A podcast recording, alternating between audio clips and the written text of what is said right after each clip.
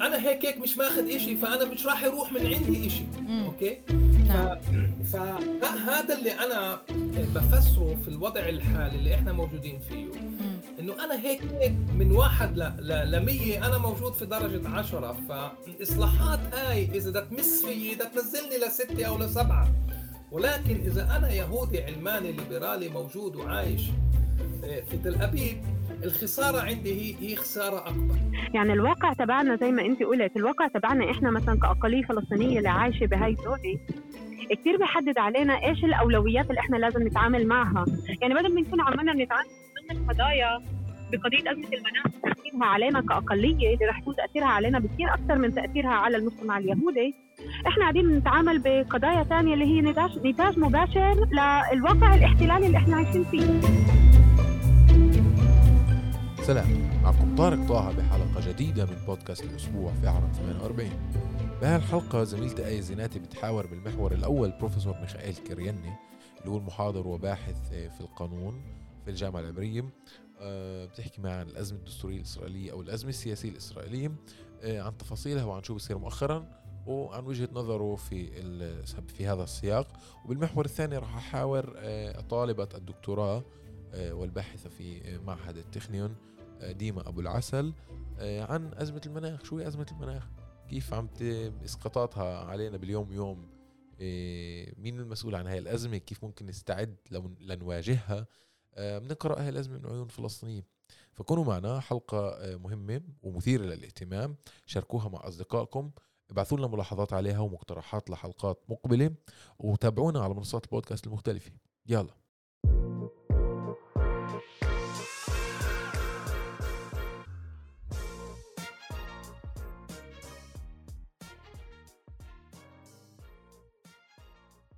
إذا في المحور المتعلق في التطورات الإسرائيلية في التعديلات القضائية معي بالمحور بروفيسور ميخائيل كرياني باحث ومحاضر في القانون العميد السابق لكلية القانون والحقوق في الجامعة العبرية في القدس. تحياتي أستاذ ميخائيل. أهلين آية. هلا فيك. شكرا كثير لوجودك معي هون. عمليا إحنا بنحكي بتاريخ 24 7 آه، قبل شهرين تقريبا صادق الكنيسة الإسرائيلي على قانون إلغاء المعقولية. لما صادقوا تم إخراج أعضاء المعارضة وتسكيتهم. وهذا بعد أشهر متواصلة من الاحتجاجات من محاولات لصد خطوة التعديلات القضائية وإدعاف الجهاز القضائي في إسرائيل. تشملها حركة احتجاجات وإضرابات. صدام حاد بين الجهات الإسرائيلية المعارضة والداعمة لهذه الخطوة. وفي أعقاب المصادقة قدمت التماسات عدة للمحكمة العليا الإسرائيلية لإلغاء القانون. يوم الثلاثاء قبل كم من يوم 12 9 عقدت جلسة تاريخية كما تعرف إسرائيليا وشارك في الجلسة 15 قاض وقاضية وتواجد في الجلسة أعضاء وعضوات من البرلمان من بينهم أعضاء الائتلاف اللي أقروا القانون ممثلين بمحاميين ومحاميات. بعد ما يقارب 13 ساعة من عقد الجلسة أقرت المحكمة أنه على ممثلي الحكومة والكنيسة تقديم ادعاءاتهم المتبقية خلال 21 يوم. السؤال الأول اللي عندي لك أستاذ ميخائيل بعد أشهر متوترة على المستوى الإسرائيلي هل هناك توقع بأنه المحكمة العليا تلغي قانون إلغاء المعقولية؟ وهل بالحالة اللي إحنا فيها اليوم قانونيا هي عندها القدرة على ذلك؟ بينما أصلا هدف القانون أجى لإضعاف المحكمة المحكمة العليا وتقليص صلاحياتها. يعني بدنا نقوم في عملية تشريح للقضية نفسها لأنه في عدة أسئلة اللي فيها المحكمة آه، من المفروض تبث فيها حتى توصل لجواب النهائي. أول سؤال اللي بفرض نفسه هو سؤال هل في رقابة قضائية للمحكمة العليا؟ وإذا في إلى رقابة قضائية بتستقيها من أي آه، شرعية. آه، اليوم صار متبع إنه في للمحكمة العليا في إسرائيل رقابة قضائية أو يعني ممكن كمان نقول إنه في في لأي محكمة كمان رقابة قضائية. بمعنى إنه إذا القانون اللي يشرع بالكنيست بتناقض أو بتنافى مع قانون اللي إحنا بنحطه في القاعدة الهرمية في مستوى اللي هو أعلى أو أوطى حسب كيف كيف التعريفات بتكون لل- للهرم آه بس إذا في قانون عادي بتناقض أو بتنافى مع قانون أساس القانون ال- العادي آه، باطل والقانون الأساس هو ساري المفعول. نعم. وهاي الرقابة القضائية كانت قائمة كمان من من زمان بمعنى إنه في منظومات اللي هي التكنوت بتتسمى في العبرية لما بتتنافى أو بتتناقض مع القانون اللي بخول الوزير من تشريع هاي الأنظمة فساعتها الأنظمة باطلة أمام ال- أمام القانون. سواء الإشكالية المحورية اللي المحكمة المفروض تثبت فيها إنه ال- قانون إلغاء حجة المعقولية سن في قانون اللي عرف كقانون أساس. فمن ناحية القاعدة الهرمية معناته هو القاعدة نفسها. فهو بتنافى وبتناقض مع أي تشريع آخر آه، حتى يتغلب على على هذا القانون. فهون هون في في في سؤال اللي هو سؤال محوري آه، المحكمة المفروض آه، تبت فيه. بس المشكلة الثانية اللي هي موجودة في إذا بدنا نشرح القضية. آه، إنه ما في بإسرائيل آه، آه، نوع من من قانون أساس أو قواعد اللي بتحدد إيش ممكن إحنا نشرع في قوانين أساسية اللي بتتعرف كقوانين أساسية. نعم. يعني مبدئيا تقدر تاخذي أي قاعدة قانونية اللي ممكن تتشرع في قانون عادي تسمي القانون قانون أساس وهذا يصبح قانون أساس. فهون في بصير في سؤال.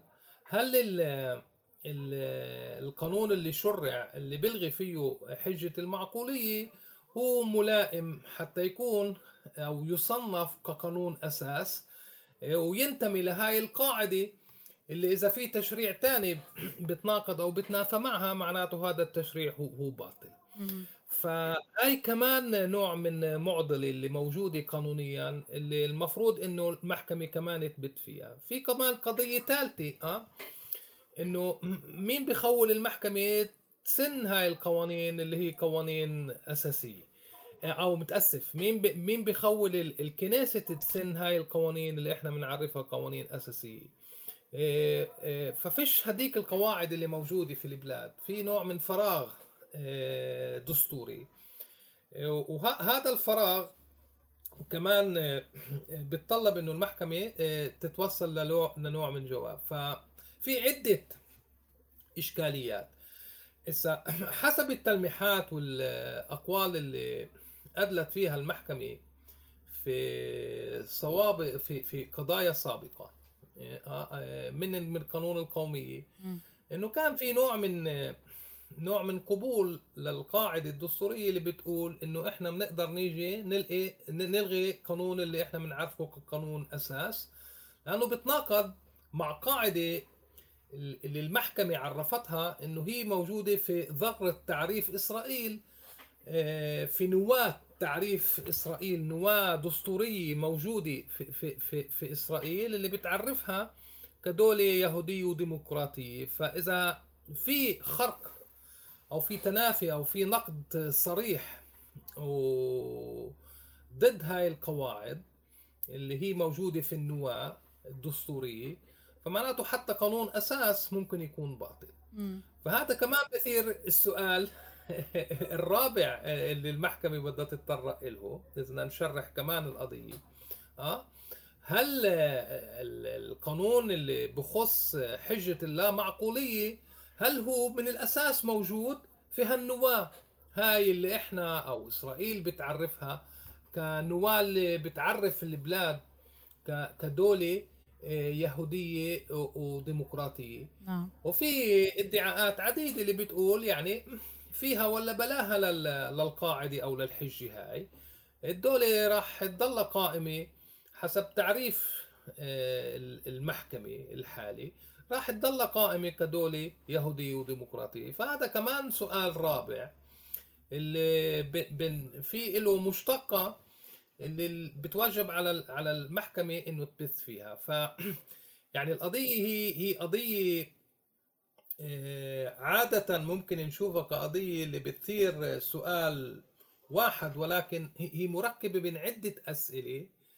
وهذا بالطبع بثير الفضول عند كل باحث في القانون بس كمان بثير الجدال لأنه كثرة الأسئلة آه، بتزيد من حدة النقاش وهذا اللي إحنا عم نشوفه اليوم. نعم. فبدنا نعرف شو هي قاعدة الهرم آه اللي إذا القانون بتنافى أو بتناقض معاها آه، إيش هي هاي القاعدة؟ وهل فعلا في تنافي أو تناقض؟ مع هاي القاعدة. فإذا نبسط كل اللي حكيناه لحد إسا بتصور هدول هن السؤالين الأساسيات اللي اللي موجودين أمام المحكمة اليوم. نعم. هلأ اسرائيليا هاي الخطوات كلها تعرف تاريخيا. يعني عمليا إحنا بنقول إنه ما قبل هيك ولا مرة خاضوا هذا النقاش بهذا الشكل؟ لا ال ال النقاش أثير في الماضي على قصة الرقابة القضائية. هل المحكمة في عندها صلاحية؟ إنه تلغي قوانين اللي شرعتها الكنيسة.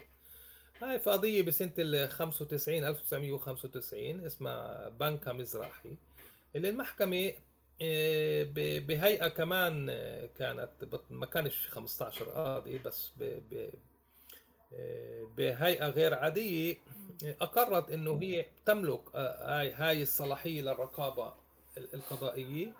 المنبثقة عن قانون أساس آه، كرامة ال- ال- الإنسان وحرياته. إنه إذا في قانون اللي بتناقض مع الحريات اللي معترف فيها في هذا القانون فهذا القانون يصبح باطل. ولكن هون كمان في يعني إشكالية وهاي الإشكالية اللي دائما بتتردد في الأدبيات ال- القانونية. إنه هذا قانون الأساس هو كمان بالنهاية قانون عادي يعني. ممكن إبطال هذا القانون إذا تواجد في الكنيسة آه، أعضاء اثنين وضد في بس عضو واحد. ما, ما كان في له هالمكانة التشريعية اللي كانت بتوجب على الكنيسة إنه إنه يسن في في في هيئة معينة اللي هي عادة الهيئات اللي فيها تسند ال- القوانين اللي إلى إلى هاي الصفة الدستورية الأساسية. نعم. ف يعني السؤال مش مش جديد. السؤال الجديد هون في هاي القضية واللي بت- ينثار فيها والظاهر المحكمة راح تاخذ موقف حسب تقديري بأغلبية معينة إنه فعلا ممكن إنه نلغي هالقانون حتى بالفعل نلغيه مش نظريا نقول إنه عندنا صلاحية. مم. ولكن إنه تقوم المحكمة بإلغاء قانون اللي عرف عن طلق على يد الكنيسة كقانون أساس. نعم. آه، هسه شو شو الحجة اللي اللي هي أكثر يعني مباشرة آه، صعب الواحد آه، آه، يعرف آه، بهاي بهاي بهاي الفترة بعد.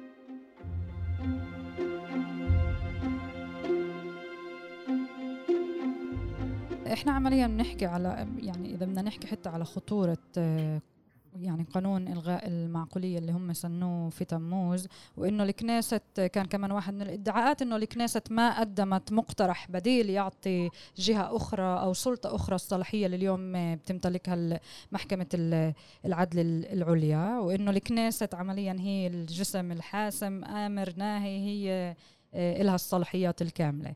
وإحنا عم نشوف إنه في هاي الأزمة القضائية في شرخ كبير بين الجهات الإسرائيلية خاصة بين الصفوف الأمنية اللي هلأ بدور النقاش الكبير حولهم. شو هي السيناريوهات المتوقعة؟ هاي الجهات الأمنية بالآخر عمين رح تستند كمان؟ والله الس- السؤال السؤال شوي مركب يا يا آية. هات كمان مرة نفكك ونشوف شو ال... مم. يعني في في في كل نظام دستوري قانوني في أي دولة في شيء إحنا بنسميه القانون الإداري. م? نعم. مشتقات منها لي administrative law بالإنجليزي. قانون مم. إداري اللي بحدد شو هالصلاحيات الإدارية اللي بيقدروا يقوموا فيها. آه، أصحاب القرار من وزراء أو لمدراء في وزراء لرئيس الحكومة. كل شخص يملك صلاحية حسب قانون أو أنظمة معينة آه، المفروض إنه يلتزم في قواعد القانون ال- الإداري. هسه قواعد القانون الإداري بتتمثل في عدة حجج وليس فقط في حجة واحدة اللي هي حجة ال- اللامعقولية معقولة. أه؟ يعني صاحب القرار وهاي هاي يعني قواعد تحددت من قبل أكثر من 70 سنة في في البلاد وحتى في القانون الإنجليزي يعني صار له مئات السنين. صاحب القرار لما بقوم في واجبه الإداري وبقوم بيتخذ قرار إداري بتوجب عليه إنه يحترم بعض القواعد أو اللي بتحددها المحاكم أو اللي بحددها القانون. يعني إيه، في قضية كلها عام قالت المحكمة إنه وزير الداخلية بيقدرش يسكر جريدة لأنه لازم يحترم حرية التعبير عن الرأي. في قضية اسمها بوجيرانو اللي بعدين تغيرت شوي. قالت المحكمة أنت لازم تحترم حرية المهنة. ما تيجي أنت تلغي آه، نوع من مهنة معينة وتمس في حرية المهنة. أنت كصاحب أنت كوزير مفروض أنك تلتزم في حرية المهنة. أنت كوزير تقدرش تيجي تعطي قرار بخص شخص آه، بدون ما تعطي لهذا الشخص الفرصة إنه يجي ويدلي في ادعاءات آه، اللي هي بتمثل موقفه. أنت كشخص صاحب قرار المفروض تتمتع في نوع من نزاهة معينة إيه، وما تكونش في في وضعية اللي بتمنعك إنك تكون نزيه في قرارك. هاي هاي القواعد كلها تحددت من زمان وما زالت موجودة. وفي كمان قواعد يعني عديدة أخرى مثلا أنا بقدرش آخذ عنصر غريب آه؟ لما آجي وآخذ قرار معين بقضية معينة يعني مفروض أنا آخذ في عين الاعتبارات العناصر ألف باء وجيم. إذا باخذ كمان دال معناته بيصبح قراري أنا قرار باطل. ولما باخذ هذا القرار لازم يكون في تناسب بين القرار وبين القضية اللي قدامي. يعني بصيرش أنا آجي أسكر دكاني إذا أنا عندي صلاحية إنه أسكر دكاني. إذا أنا بقدر أمنعك آه ما تحطش نقول هل الماكنة هاي اللي هي مزعجة وبهاي بهاي الطريقة إحنا نقدر نوصل لإزالة الإزعاج اللي موجود للجيران آه. هاي كلها حجج موجودة. هسه اللا معقوليه أجت و... و... وتداخلت في هالحجج هاي بقرار اللي انعطى بسنة 1982 اللي هو زي نوع من القرار اللي كانت المحكمة زي إنه بدها تأخذ في عين الاعتبار بلكي أنا ما ما عنديش هال كل الحجج الكافيه فهي زي بتكون حجة استثنائية اللي بقدر أنا أخذها في عين الاعتبار. وأقرر إنه هال هال هالقرار هذا غير معقول ولكن يعني مش غير معقول بشكل عادي لازم يكون غير معقول بشكل متطرف آه؟ حتى أنا كمحكمة آجي وألغي هذا القرار. والحالات اللي فيها المحكمة استعملت هاي الحجة هي هي حالات آه، يعني مش مش عديدة. هي هي حالات قليلة. آه، اللي كانت يعني بتنعد على الأصابع كل سنة اللي فيها أجت المحكمة وألغت القرار الإداري نتيجة نتيجة الحجة هاي. نعم. آه لكن هون في نوع كمان من تغليط آه, آه إنه مرات إحنا ما بنقدرش نعرف وين فعلا في آثار لحجة آه قانونية معينة. بنسميها في لغة ال ال ال القانون ال يعني تأثير الظل ظل القاعدة على الواقع اللي إحنا فيه. يعني مرات بيمتنع صاحب القرار إنه يأخذ قرار نتيجة وجود هاي الحجة. بقول أنا بديش أخذ هذا القرار لأنه إذا أخذت هذا القرار ممكن يجي يقولوا بواسطة الحجة هاي إنه قراري أنا غير شرعي. فمع هو بيمتنع عن أخذان القرار. فالحجة هي أصبحت حجة اللي فيه لها تأثير بس إحنا ما بنشوف هذا التأثير بشكل عيني لأنه القرار ما اتخذ. ف من من ناحية من ناحية إحصائيات صعب نحصر هاي الحالات لأنه إذا حالي ما بتصير صعب إنه أنا أشوف إنه فعلا كان في تأثير. فيعني مجمل الحديث هو وهذا كمان أمر اللي كمان سمعت آه، بعض القضاة اللي أثارته إنه هالحجة هاي هي حجة واحدة من من عدة حجج ثانية موجودة في القانون الإداري اللي ممكن بعد المحاكم تيجي تستعملها. فإلغائها مش راح يثير هذيك الإشكالية الكبيرة من ناحية القانون الإداري لأنه القانون الإداري فيه حجج أخرى زي ما زي ما, ما شرحت.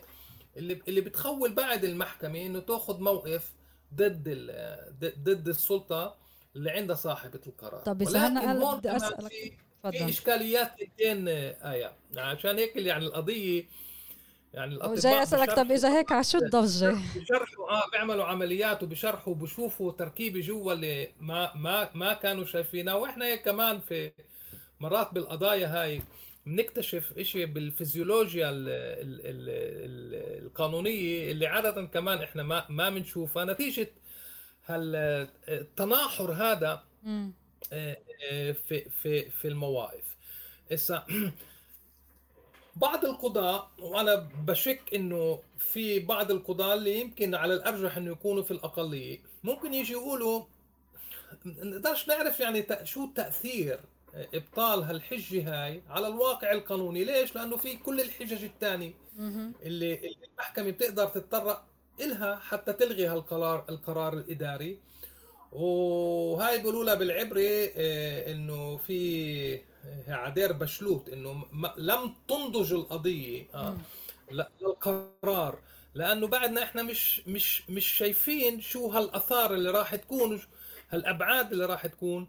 على إبطال هاي الحجة. ولكن في كمان أمر اللي هو موجود في هالتشريح في عملية التشريح اللي هي أنا بسميها وعامل موسيقى الإيقاع آه إنه في بالإيقاع في بالخلفية إنه هذا القانون اجى ما ما اجى بفاكوم في في في آه، يعني آه، في إطار اللي هو هيك مفاجئ وفعلا كان في نوع من لجنة وهاللجنة هاي قررت لا اجى في نطاق أو في حملة اللي نقدر نسميها من قبل الحكومة لا شو اللي بسموها إصلاحات اللي بسموها ثورة اللي بسموها انقلاب. أنا بسميها تعديل ممكن نوصل لهذا الإشي بعدين. آه ما أنا أنا حتى ما بشوفها حتى كإصلاحات ولا بشوفها كثورة أنا بشوفها إنه تعديل بسيط. على القليله من منظور الأقلية العربية لأنه مش راح كتير تغير لأنه هيك هيك إحنا وضعنا آه ما كناش 100 وبدنا ننزل ل 10 نعم. إحنا كنا 10 وننزل لخمسة طب خلينا ف... شوي نحاول نفهمها بمفاهيم إسرائيلية إذا إذا آه. بعد آه. ضايل آه. يعني حجج أخرى اللي راح تتيح للمحكمة صلاحيات ثانية آه. لكن شو الخوف شو الإسقاطات من المس بحقوق وما إلى ذلك وإنه الكنيسة تكون لها يعني صلاحية أعلى من المحكمة لا ما هذا الإشي إنه دائما في حدا يعني في أي نظام دستوري إسرائيل ما فيهاش دستور بس في قواعد دستورية يعني مش مش إنه ما فيها القواعد الدستورية. آه لما أجوا ألغوا قائمة الأرض صحيح بسنة 65 نعم. من إنه تنزل الكنيست ما كانش في قانون صريح اللي بيعطي أو بخول اللجنة أو المحكمة إنه تيجي وتلغي هالقائمة هاي. آه، بس اجوا وادعوا إنه فيها القواعد آه، الدستورية هاي. وهسه كمان قضية الأرض اللي بتسمى بالعبري يردور عم عم عم تثار حتى في في الجدال الحالي. بس اللي يعني اللي اللي بدي اقوله أنا إنه إنه في هالخلفية هاي في موسيقى الإيقاع اللي أعطت للقانون هاي وللقانون هذا وللحجه اللام حجة اللامعقولية نوع من موسيقى خاصة اللي هي أكثر دراماتيكية من لو كان الإشي آه بدون موسيقى الإيقاع اللي إحنا اللي إحنا شايفينها. ف فبتصور يعني الموضوع الت... الآخر اللي ممكن كمان يثار في كل الموجة هاي وليش أنا بقول تعديل نعم. يعني حتى مش ثورة أو طبعا هذا مش إصلاح. أنا بقول تعديل على القانون. وهذا اللي جربت أقوله قبل شوي إيه، يعني في في في دائما شيء نسبي. لما إحنا بنيجي ومنزين إيه، التشريعات القانونية اللي بتنعطى. يعني شو أنا راح أخسر؟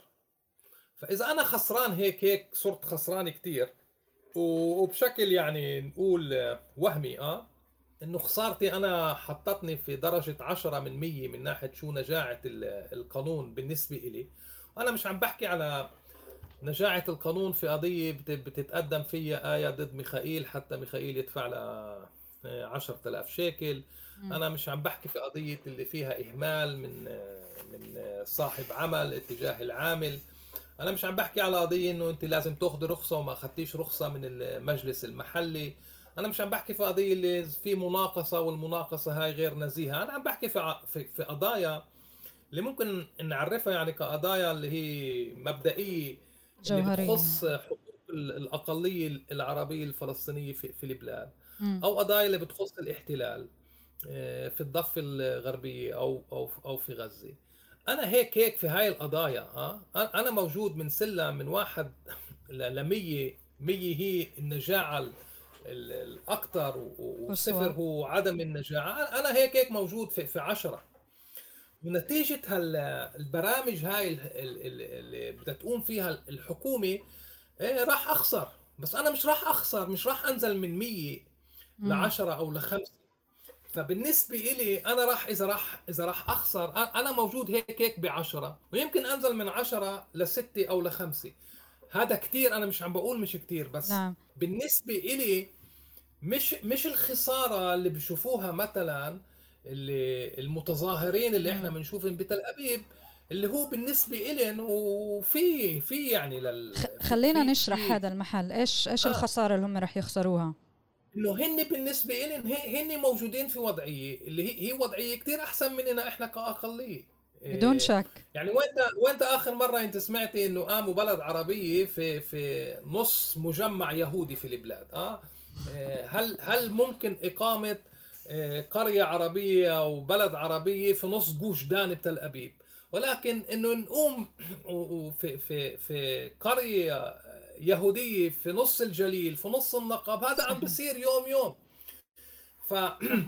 إذا يعني قصه قصة في في موارد تنين اللي هن موارد أساسية. قصة ال- قصة التعريف الدولي آه قصة الهجرة للدوله من من يملك الهجرة. من ومن يملك المكان من يملك الأرض.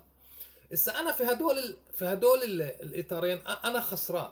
نعم. بس إذا اليوم بده يصير في سلطة للحكومة أكثر والحكومة بدها تصير يمينية وبده يصير في تسلط من السلطات الربانية وأنا شخص علماني ساكن بتل أبيب. آه أنا أنا بحس إنه راح أخسر وبالفعل هو راح يخسر.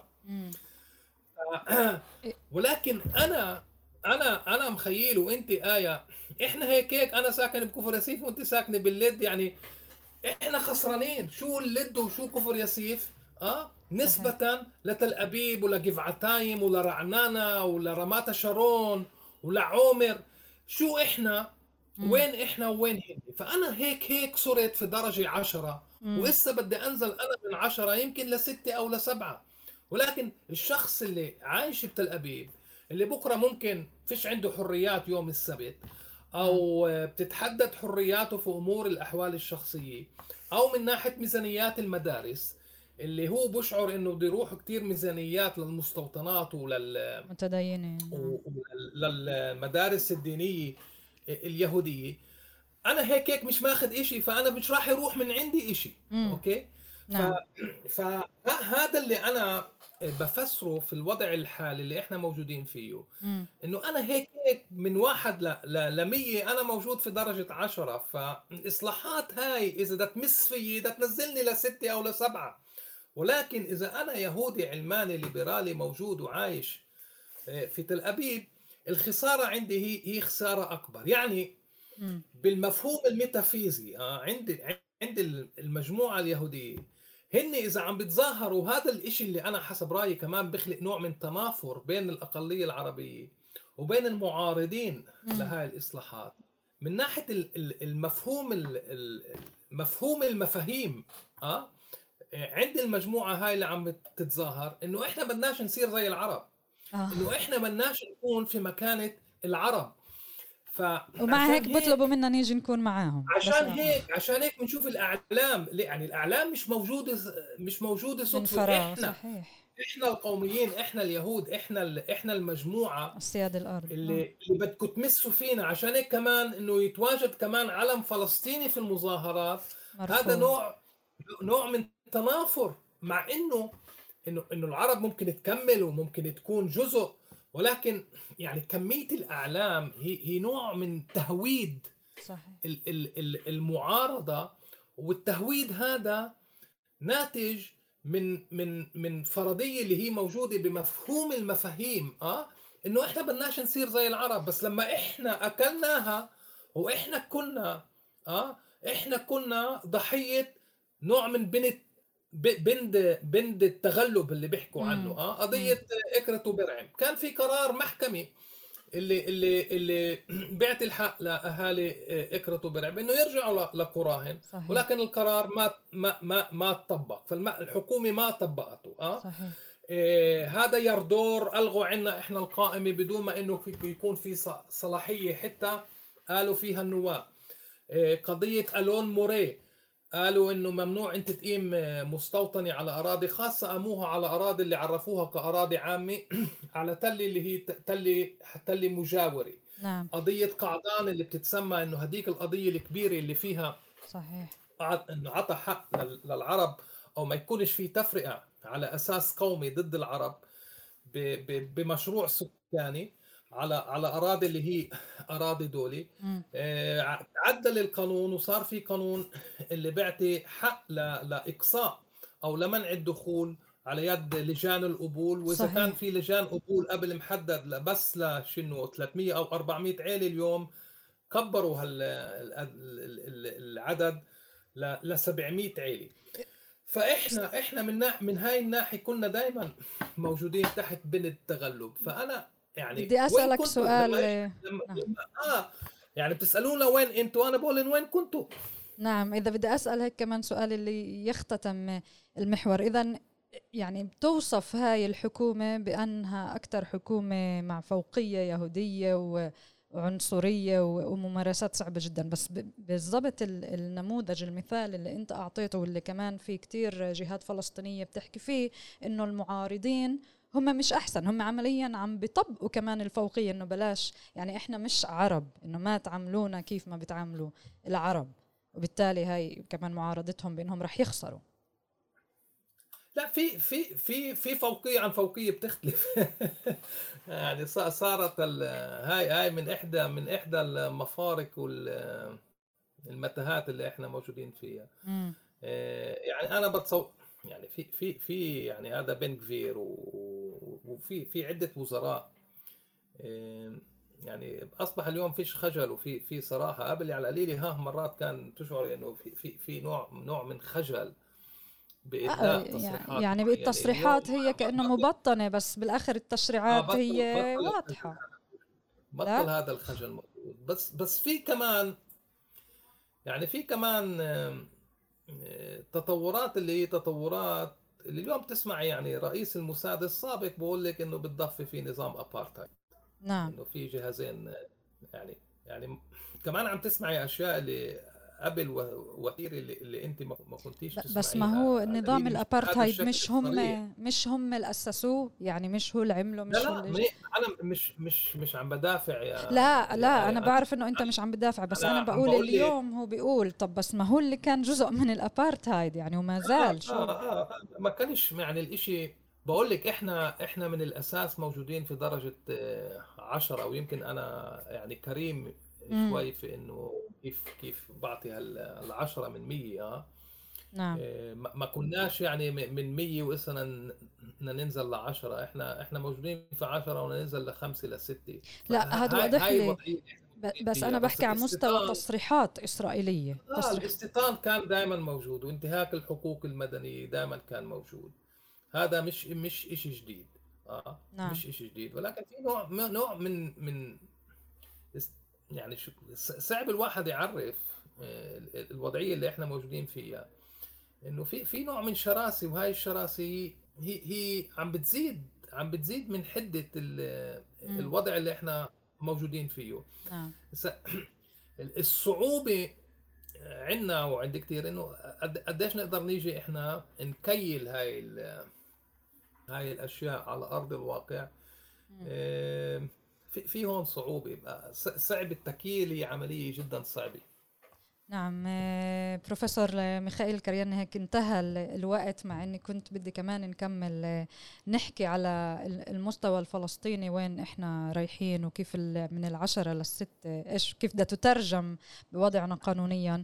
آه، بس بما إنه الوقت آه، مش لصالحي فأنا هيك آه، مضطر أختتم. بتأمل أرجع آه، هيك كمان آه، بعد آه، يمكن ال 21 يوم اللي المحكمة أعطتهم آه، للحكومة والكنيست. نرجع نحكي كمان مرة ونشوف ال- الوضع آه، لوين رايح. شكرا لك. أشكرك جزيل الشكر. شكرا كثير يعطيك ألف عافية. سلامات. شكرا. شكرا.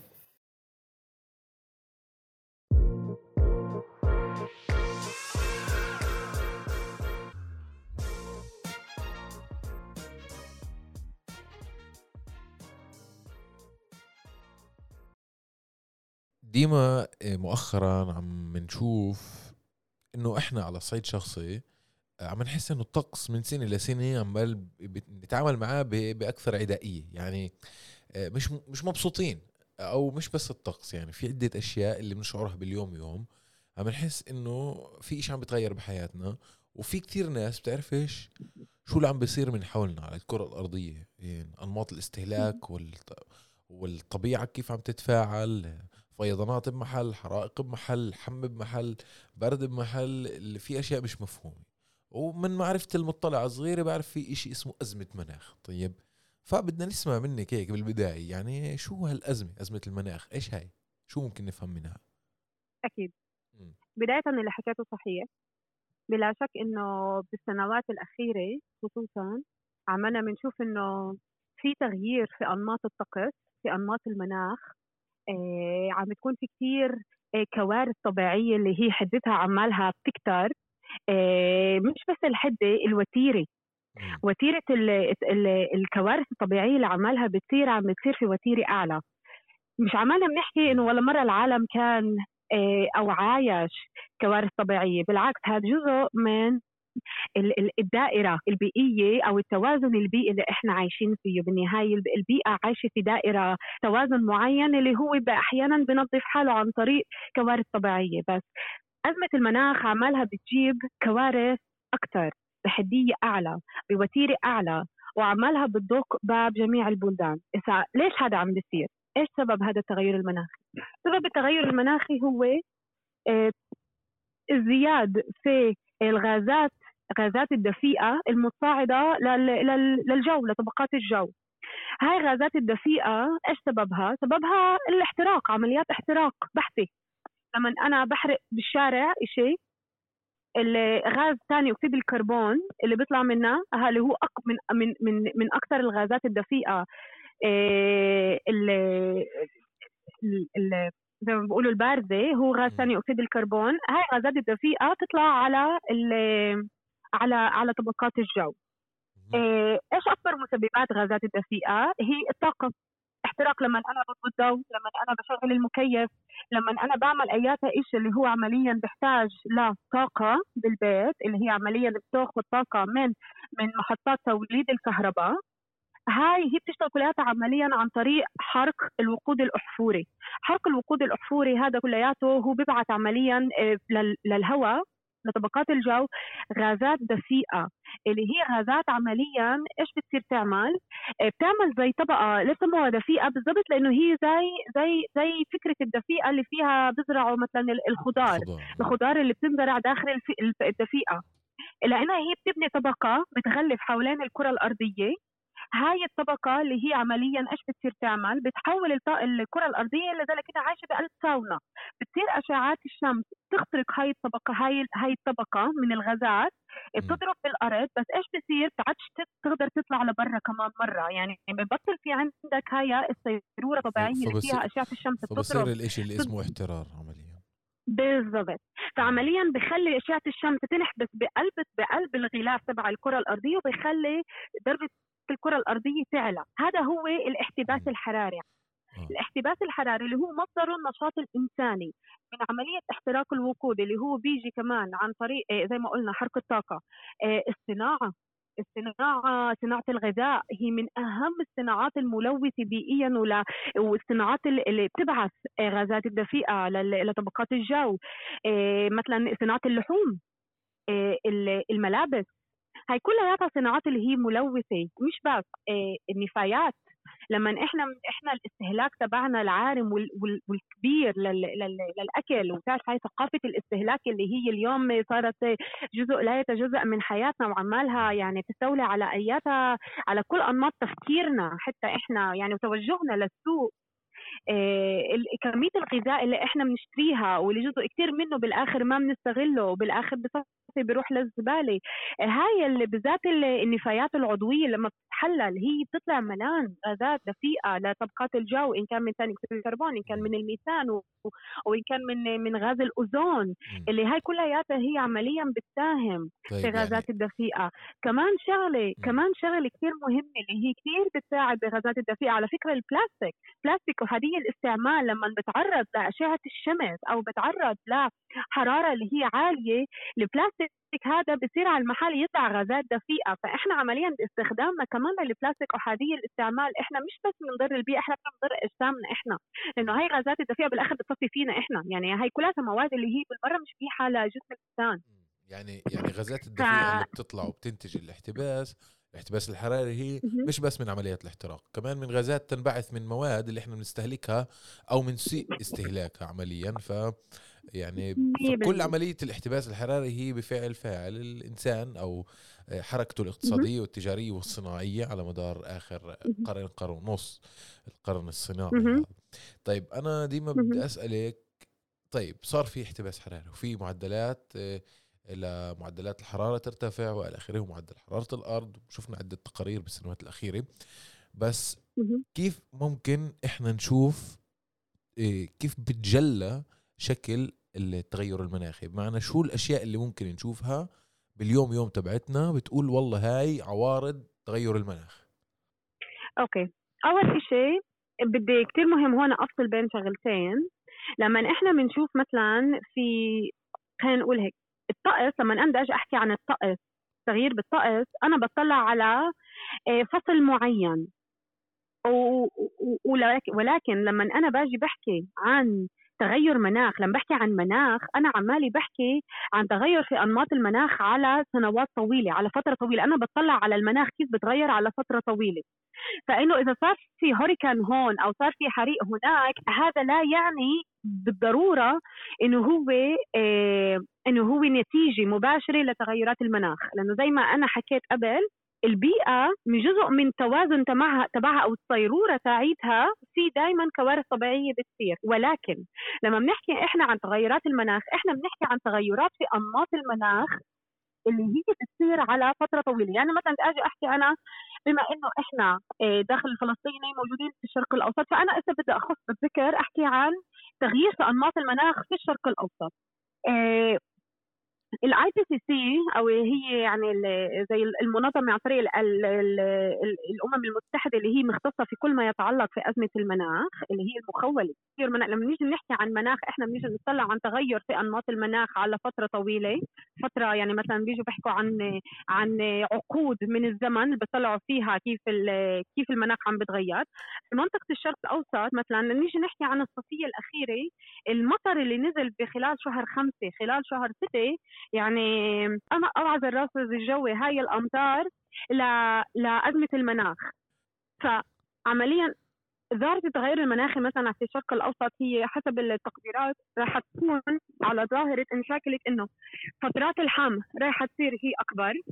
يعني أيامات الشمس راح تكون بحصة أكبر خلال السنة.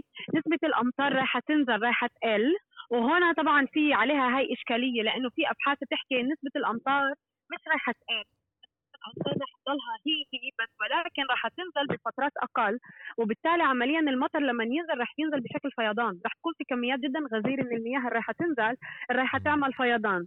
فبكل الأحوال بكل الأحوال كل التقديرات اللي هي جاي لأنه مثلا في منطقة الشرق الأوسط هي عمالها بتحكي عن كوارث طبيعية اللي راح تضر في البيئة، راح تضر في, في الأكل، راح تضر في موارد المياه، راح تضر مثلا في, في حتى في قدرتنا إحنا للإنسان إنه يعتاش يقدر يعيش بكمية حر اللي هي يعني نسبة الحر اللي هي كده عالية موجات الحر اللي هي جدا متواصلة رح تكون. يعني مثلا موجات الحر بشكل عام اللي إحنا بنعرفها بتيجي عندك بالصيف ليومين ثلاثة أربعة ماكسيموم وهذا هو. بتروح تمرق. موجة الحر وبنرجع للمعدلات ولكن مع أزمة المناخ لما تبلش تتفاقم وبنبلش نشعر فيها بشكل اللي هو أكثر مع إنه إحنا صرنا عمالنا بنشعر فيها بس لما نبلش نفوت أكثر بالسنوات نقرب لل 2030 وال 2050 لأنه هاي هي التقديرات رح تكون نقاط التحول الكبير يعني بأنماط المناخ إيه رح نبلش نشوف إنه موجات الحر عندنا عمالها تقعد على فترة أطول مثلا بدل ما تقعد على ثلاث أربع أيام رح تصير تقعد على أسبوع أسبوعين.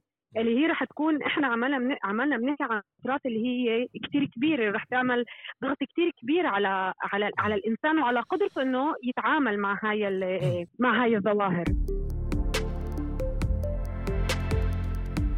طيب ديما قبل ما نبلش قبل قبل ما نفوت بسؤال الحلول سؤال كبير هو يعني بس بدنا نفوت على شوي على المحلي عندنا إيه بدنا مم. نفوت على زوم إن شوي فلسطين فيها حالة سياسية مركبة فيها سياسات إيه سياسات إيه تمييزية بحق يعني على كل الأصعدة حسب رأيي يعني. لكن آه ولا مرة بصير لنا فرصة نحكي عن سياسة التمييز البيئية. أو يعني مش كثير فرص أو مناسبات بيطلع لنا نحكي فيها. وإحنا كفلسطينيين يعني زي ما بسموها اللي فينا مكفينا من قضايا ومشاكل كنا نحكي عن قضايا المناخ والبيئة بس اللي بتعمق بالتفاصيل بشوف إنه يعني مصيرنا كفلسطينيين أو كأي إنسان مصير واحد على هالكرة الأرضية ويعني وإسقاطات تأثير آه، تغير أزمات المناخ هي بالضرورة بتقع على رأس المستضعفين أكثر من آه، رأس اللي بينتجوا الأزمة يعني مثل الإسرائيليين. فإحنا شو موقعنا بهاي بهاي الأزمة اللي إحنا جزء منها يعني وبالتالي متأثرين منها. آه، بلا شك إنه إحنا كوننا آه، فئة مستضعفة والأهم من كل هذا فئة قاعدة تحت احتلال هذا الشيء كثير بيأثر علينا وبيأثر حتى بالقضايا اللي إحنا بنتعامل معها. يعني الواقع تبعنا زي ما أنت قلت الواقع تبعنا إحنا مثلا كاقليه فلسطينية اللي عايشة بهاي الدولة كثير بيحدد علينا إيش الأولويات اللي إحنا لازم نتعامل معها. يعني بدل ما نكون عمالنا نتعامل ضمن القضايا بقضية أزمة المناخ تأثيرها علينا كأقلية اللي رح يكون تأثيرها علينا بكثير أكثر من تأثيرها على المجتمع اليهودي. إحنا قاعدين نتعامل بقضايا ثانية اللي هي نتاج نتاج مباشر للواقع الاحتلالي اللي إحنا عايشين فيه. صحيح.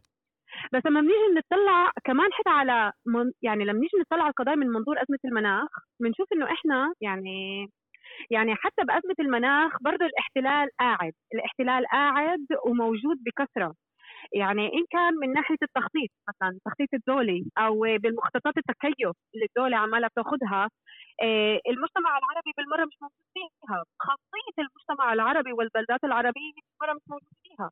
لما وزارة البيئة بتطلق نداءات اللي هي لأنشطة مثلا اللي بت... المفروض تساعد البلدات على إنها تزيد من حصانتها زي مثلا كان في قبل أعتقد سنة أو سنتين طلعوا نداء لتظليل زيادة التظليل عن طريق آه، زرع شجر. بالبلدات آه، مثلا هاي نداءات بتلائمش الواقع المجتمع العربي. يعني بدي اعطيك الناصري مثلا على سبيل المثال عشان تقدر تيجي وتزرع أشجار بالناصري وتساعد وتكثر من عملية التظليل أنت محتاج إنك أو إنك تزيح الشوارع كليا أو إنك تهد بنيان على أساس إنك تيجي تعمل مجال إنك تيجي تحط مثلا شجر. اللي يزيد من التظليل شجر كبير اللي, اللي عمليا الأوراق تبعته تساعد في عملية التظليل آه، تاعت الشوارع. فإنه حتى النداءات اللي بتطلعها نداءات بالمرة بتاخذش واقع المجتمع العربي بالحسبان ابدا. إنما هي نداءات اللي بتتعامل مع واقع البلدات اليهوديه اللي هي البلدات اللي ما تخطيط هذا تخطيط عندها البنى التحتية تاعتها المخطط تبعها المسطح تبع المدينة بيسمح لأنه يتم إدراج هاي هاي المشاريع بداخلها. آه عدا عن إنه مثلا عدا عن الدولة بحد ذاتها كدولة هي بعدها يعني جدا متأخرة في تعاملها وبخطواتها اللي عمالها بتاخذها باتجاه أزمة المناخ بس بلا شك إنه إحنا المجتمع الفلسطيني كل تأثرنا بالأزمة هو مختلف زي ما أنا حكيت قبل. البنى التحتية والمسطح تبع المدن العربية والبلدات العربية هو كثير بيأثر على قدرتنا إحنا إنه نواجه أزمة المناخ. يعني إحنا مثلا عندنا قليل من الأشجار البنى التحتية الخضراء آه، قديش المناطق المفتوحة اللي هي بتساعد مثلا إنها تمتص المياه في حالة الفيضانات. آه، طبعا عندنا البنى التحتية كثير هشة ضعيفة إن كان من بحكي عن يعني الصرف الصحي. يعني اليوم إحنا عندنا شتاء صغير. على المحل بغرق بغرق البلدات عيتنا كم سنتيمتر عن عن الشارع. كل البنى التحتية الميزانيات الضعيفه اللي عمالة توصل يعني القليله اللي عم توصل للبلدات العربية. ما بتعطي مجال أصلا للبلدات المجالس للسلطات المحلية إنها تخصص شيء اللي مم. يروح لمجال البيئة أو لأزمة المناخ. إيه، فهالقد الواقع اللي إحنا عايشين فيه كثير بأثر علينا بأثر على قدرتنا إنه إحنا بكرة في المستقبل. لما بدك يكون عندك إيه، موجات حر اللي هي جدا طويلة. مم. و آه، يعني طويلة ومستمرة مثلا على مدار أسبوع أسبوعين. لما أنت مش كل البيوت في عندها الإمكانية إنها تركب مكيف ببيتها فأنت عمليا بتحكي عن فئات من المجتمع آه، اللي هي عايشة آه، رح تكون عايشة عمليا تحت تهديد الضغط الحام. نعم؟ تحت تهديد ازمات أزمة تغير المناخ. آه بس إنه رح تكون عمليا قاعدة. تحت تهديد ال- الحر الحام. آه، الناس اللي مش راح تقدر عمليا تلاقي طرق آه، اللي هي طرق تعرف على المستوى الفردي. إنها كيف عمليا تبرد تبرد البيئة تاعيتها مثلا تستخدم مكيف أو آه، فإنه آه، عدا عن إنه مثلا كمان بسبب أز يعني بسبب ال- الحر لما بكرة بده يصير في عندك نقص. بالغذاء ولما أسعار الغذاء بدها تصير تعلى بالتالي تعرف كنديشه مباشرة للنقص بالغذاء صحيح يعني معروف أو حسب الأبحاث الأخيرة اللي طلعت كمان عن آه، التأمين الوطني بتقول إنه التهديد الغذائي اللي راح يكون عند المجتمع العربي أكبر بثلاث مرات من التهديد الغذائي اللي راح يكون عند المجتمع اليهودي. وهذا كلياته يعني بترتبط بشكل مباشر بقدرتنا إحنا بالواقع تبعنا اللي إحنا عايشين فيه وبقدرتنا يعني هذا الواقع بحتم على قدرتنا كيف نتعامل مع أزمة المناخ وكيف نطلع منها بأقل ضرر ممكن بلا شك إنه الواقع الاحت- الاحتلال واقع الاحتلال اللي إحنا آه. عايشين فيه يعني ب- بأثر على الآخر بشكل مباشر على على مقدرتنا. إنه إحنا نتعامل مع أزمة المناخ ونطلع منها بأقل ضرر ممكن مثلا مقارنة بالمجتمع اليهودي اللي الإمكانيات متاحة عنده بكثير أكثر مننا. ديما إحنا بنعرف إنه آه، في دول آه، إيه ماخذ دور أكبر من دول أخرى بإنتاج أزمة المناخ. نعرف إنه دو في دول هي المسؤولة المباشرة عن آه، الانبعاثات الغازية من الصناعات تبعتها وفي دول اللي هي أصلا ما لهاش حصة بال- بال- بالضرر البيئي لكنها هي اللي بتأكل على راسها هي اللي بت- بتقع عليها كل إسقاطات أزمة المناخ تقريبا. فشو هنا عن أي حاله بنحكي ديما؟ أكيد. هذا هذا الوجه ال- الوجه المعروف لأزمة المناخ. من نهاية المطاف أزمة المناخ هي أزمة أزمة مباشرة للرأسمالية. كل كل نظام. الرأسمالي. اللي هو مبني على استخدام الموارد الطبيعية بشكل جشع وتلويث البيئة إيه، تحت إطار ال- الربح إيه، وتعرف صنع الأموال أكثر مم. بالمقابل في عندك فئات اللي هي عم تتضرر بشكل مباشر فيه وهون إحنا بندخل بالجانب ال ال ال ال العدل المناخي آه. اللي هي عمليا في, في الأساس ساعتها إنه أزمة المناخ وتأثيرها على المجتمعات وعلى الدول هو تأثير غير آه، غير متساوي. بما إنه في دول مثل الدول المتقدمة اللي هي طبعا دول صناعية كبيرة اللي بتستخدم آه، اللي هي مبنية على الراسماليه اللي مبنية على الصناعة اللي ملوثه جدا وهي الدول الصناعية. آه، قدرتها على التعامل مع أزمة المناخ هو كثير غير عن الدول النامية.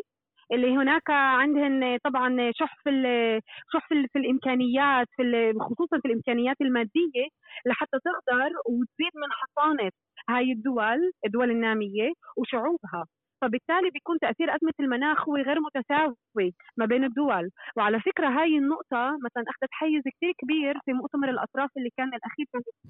وطالبت حتى الدول النامية آه، إنه آه، طلبت الدول النامية والدول المتقدمة انهم يفتحوا زي صندوق.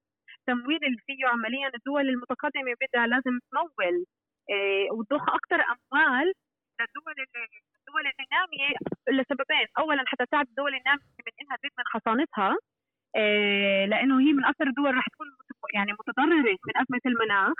ومن ناحية ثانية تعويض. يعني الدول النامية هي دول مضبوط دول ملوثة كل دول العالم هي دول ملوثة ولكن الحصة تاعيتها في التلويث وبكثير أقل من من الحصه تاعيتها في ال في ال مثلا من من الدول المتقدمة. إيه ولكن الضرر عليها هو بكثير أكبر. فبالتالي عملها الدول طالب بتعويض. زي مثلا ما بنيجي نحكي عن الجزر. الجزر ال- ال- الإكزوتيك مثلا في ال- في المحيط ال- في المحيط الهادي.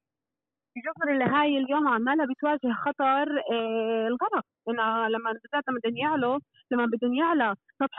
سطح البحار آه، منسوب البحار بده يعلى فإنه عمليا هاي الجزر عمالها بتواجه آه، خطر الغرق. المحي مع إنه ال- الم... الم... ال- المساهمة تاعتها في تأثير المناخ وفي انبعاثات غازات الدفيئه هو القد ضئيل مقارنة مثلا في الانبعاثات اللي طالعة من الولايات المتحدة ب- بما انها بصفتها الولايات المتحدة هي من هي هي الدولة القائدة مهم. في في الانبعاثات مع إنه اذا بنيجي نطلع إحنا على فكرة على الإحصائيات ببين إنه الصين والهند هي الدول ال- القائدة في, في الانبعاثات ولكن يعني هاي الإحصائيات شوي مضللة لأنه لما أنت بتيجي تطلع بتحسب هاي الإحصائيات نسبة لعدد السكان تبع الدولة فبتطلع الولايات المتحدة هي الدولة القائدة. في نسبة الانبعاثات هي من أكثر الدول يعني الملوثة عالميا. أها. ولكن قدرتها دو قدرة الولايات المتحدة إنها توقف بأزمة المناخ هو على الآخر مختلف وهو متقدم عن قدرة مثلا بعض الدول الأفريقية. أو كل الدول الأفريقية ودول نامية أخرى مثلا في جنوب أمريكا حتى أنها تيجي توقف قدام أزمة المناخ. فهذا هو الوجه آه، الوجه الواضح من أزمة المناخ هو آه، يعني كل قضية العدل اللي آه. موجودة بأزمة المناخ وبتأثيرها غير المتساوي على جميع الدول. واليوم هاي هي القضية اللي لازم نبلش نحكي فيها ونثيرها إيه يعني هذا الخطاب اليوم إحنا لازم نحمله حتى إحنا فينا ك يعني بالمجتمع المدخل يعني اليوم لازم خطابنا كمان يطلع من من من محل الخطاب العدل المناخي لأنه اليوم هو هذا الخطاب اللي هذا الخطاب الصحيح. لأنه كمان يعني زي ما قلت على حسب صعيد يعني مستوى المجتمعات تأثير أزمة المناخ هو مختلف. مضبوط كل المجتمعات بتساعد بتلوث. يعني كمان إحنا بالمجتمع العربي بنستخدم في بنستخدم السيارات بنستخدم الكهرباء آه، بنستخدم يعني جميع الشغلات اللي هي بتلوث ولكن مش بنفس ال- الطريقة ممكن بنفس بكثرة المجتمع اليهودي. بس الاكيد الأكيد إنه مقدرتنا إحنا على مواجهة أزمة المناخ هو كثير مختلف وبكثير أقل من مقدرة المجتمع اليهودي على مواجهة أزمة المناخ. وبالتالي اليوم الخطاب تبع آه، العدل المناخي لازم تكون هي نقطة الانطلاق تاعتنا ولازم يكون هو هذا الخطاب اللي إحنا اليوم بنحكي فيه. آه، فهذا هو. ديما بدي اتشكرك كمان مرة كثير كثير كثير آه، على هاي المداخله فعلا قيمة وبصراحة يعني حابب وراح أحكي معك إلى كمان آه، محور بالوقت القريب البعيد أو القريب القريب.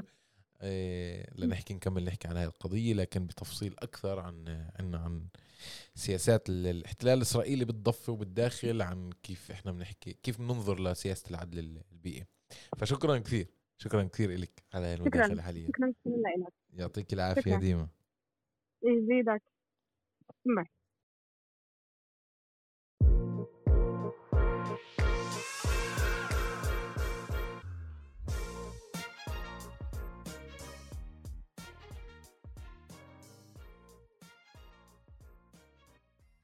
طيب أعزائنا المستمعين هيك بنكون وصلنا لنهاية حلقتنا من بودكاست الأسبوع في عرب 48 بدي أطلب منكم طلب اللي لسه ما عملناش متابعة على منصات البودكاست المختلفة سبوتيفاي Google Podcasts Apple Podcasts تنسوش تعملوا لنا متابعة. هسا اعملوا لنا متابعة كثير بيساعدنا تنسوش تبعثوا لنا مقترحاتكم وملاحظاتكم على الحلقات السابقه وعلى مقترحات لحلقات قادمة. وللاسبوع القادم لقاء آخر. يعطيكم العافية.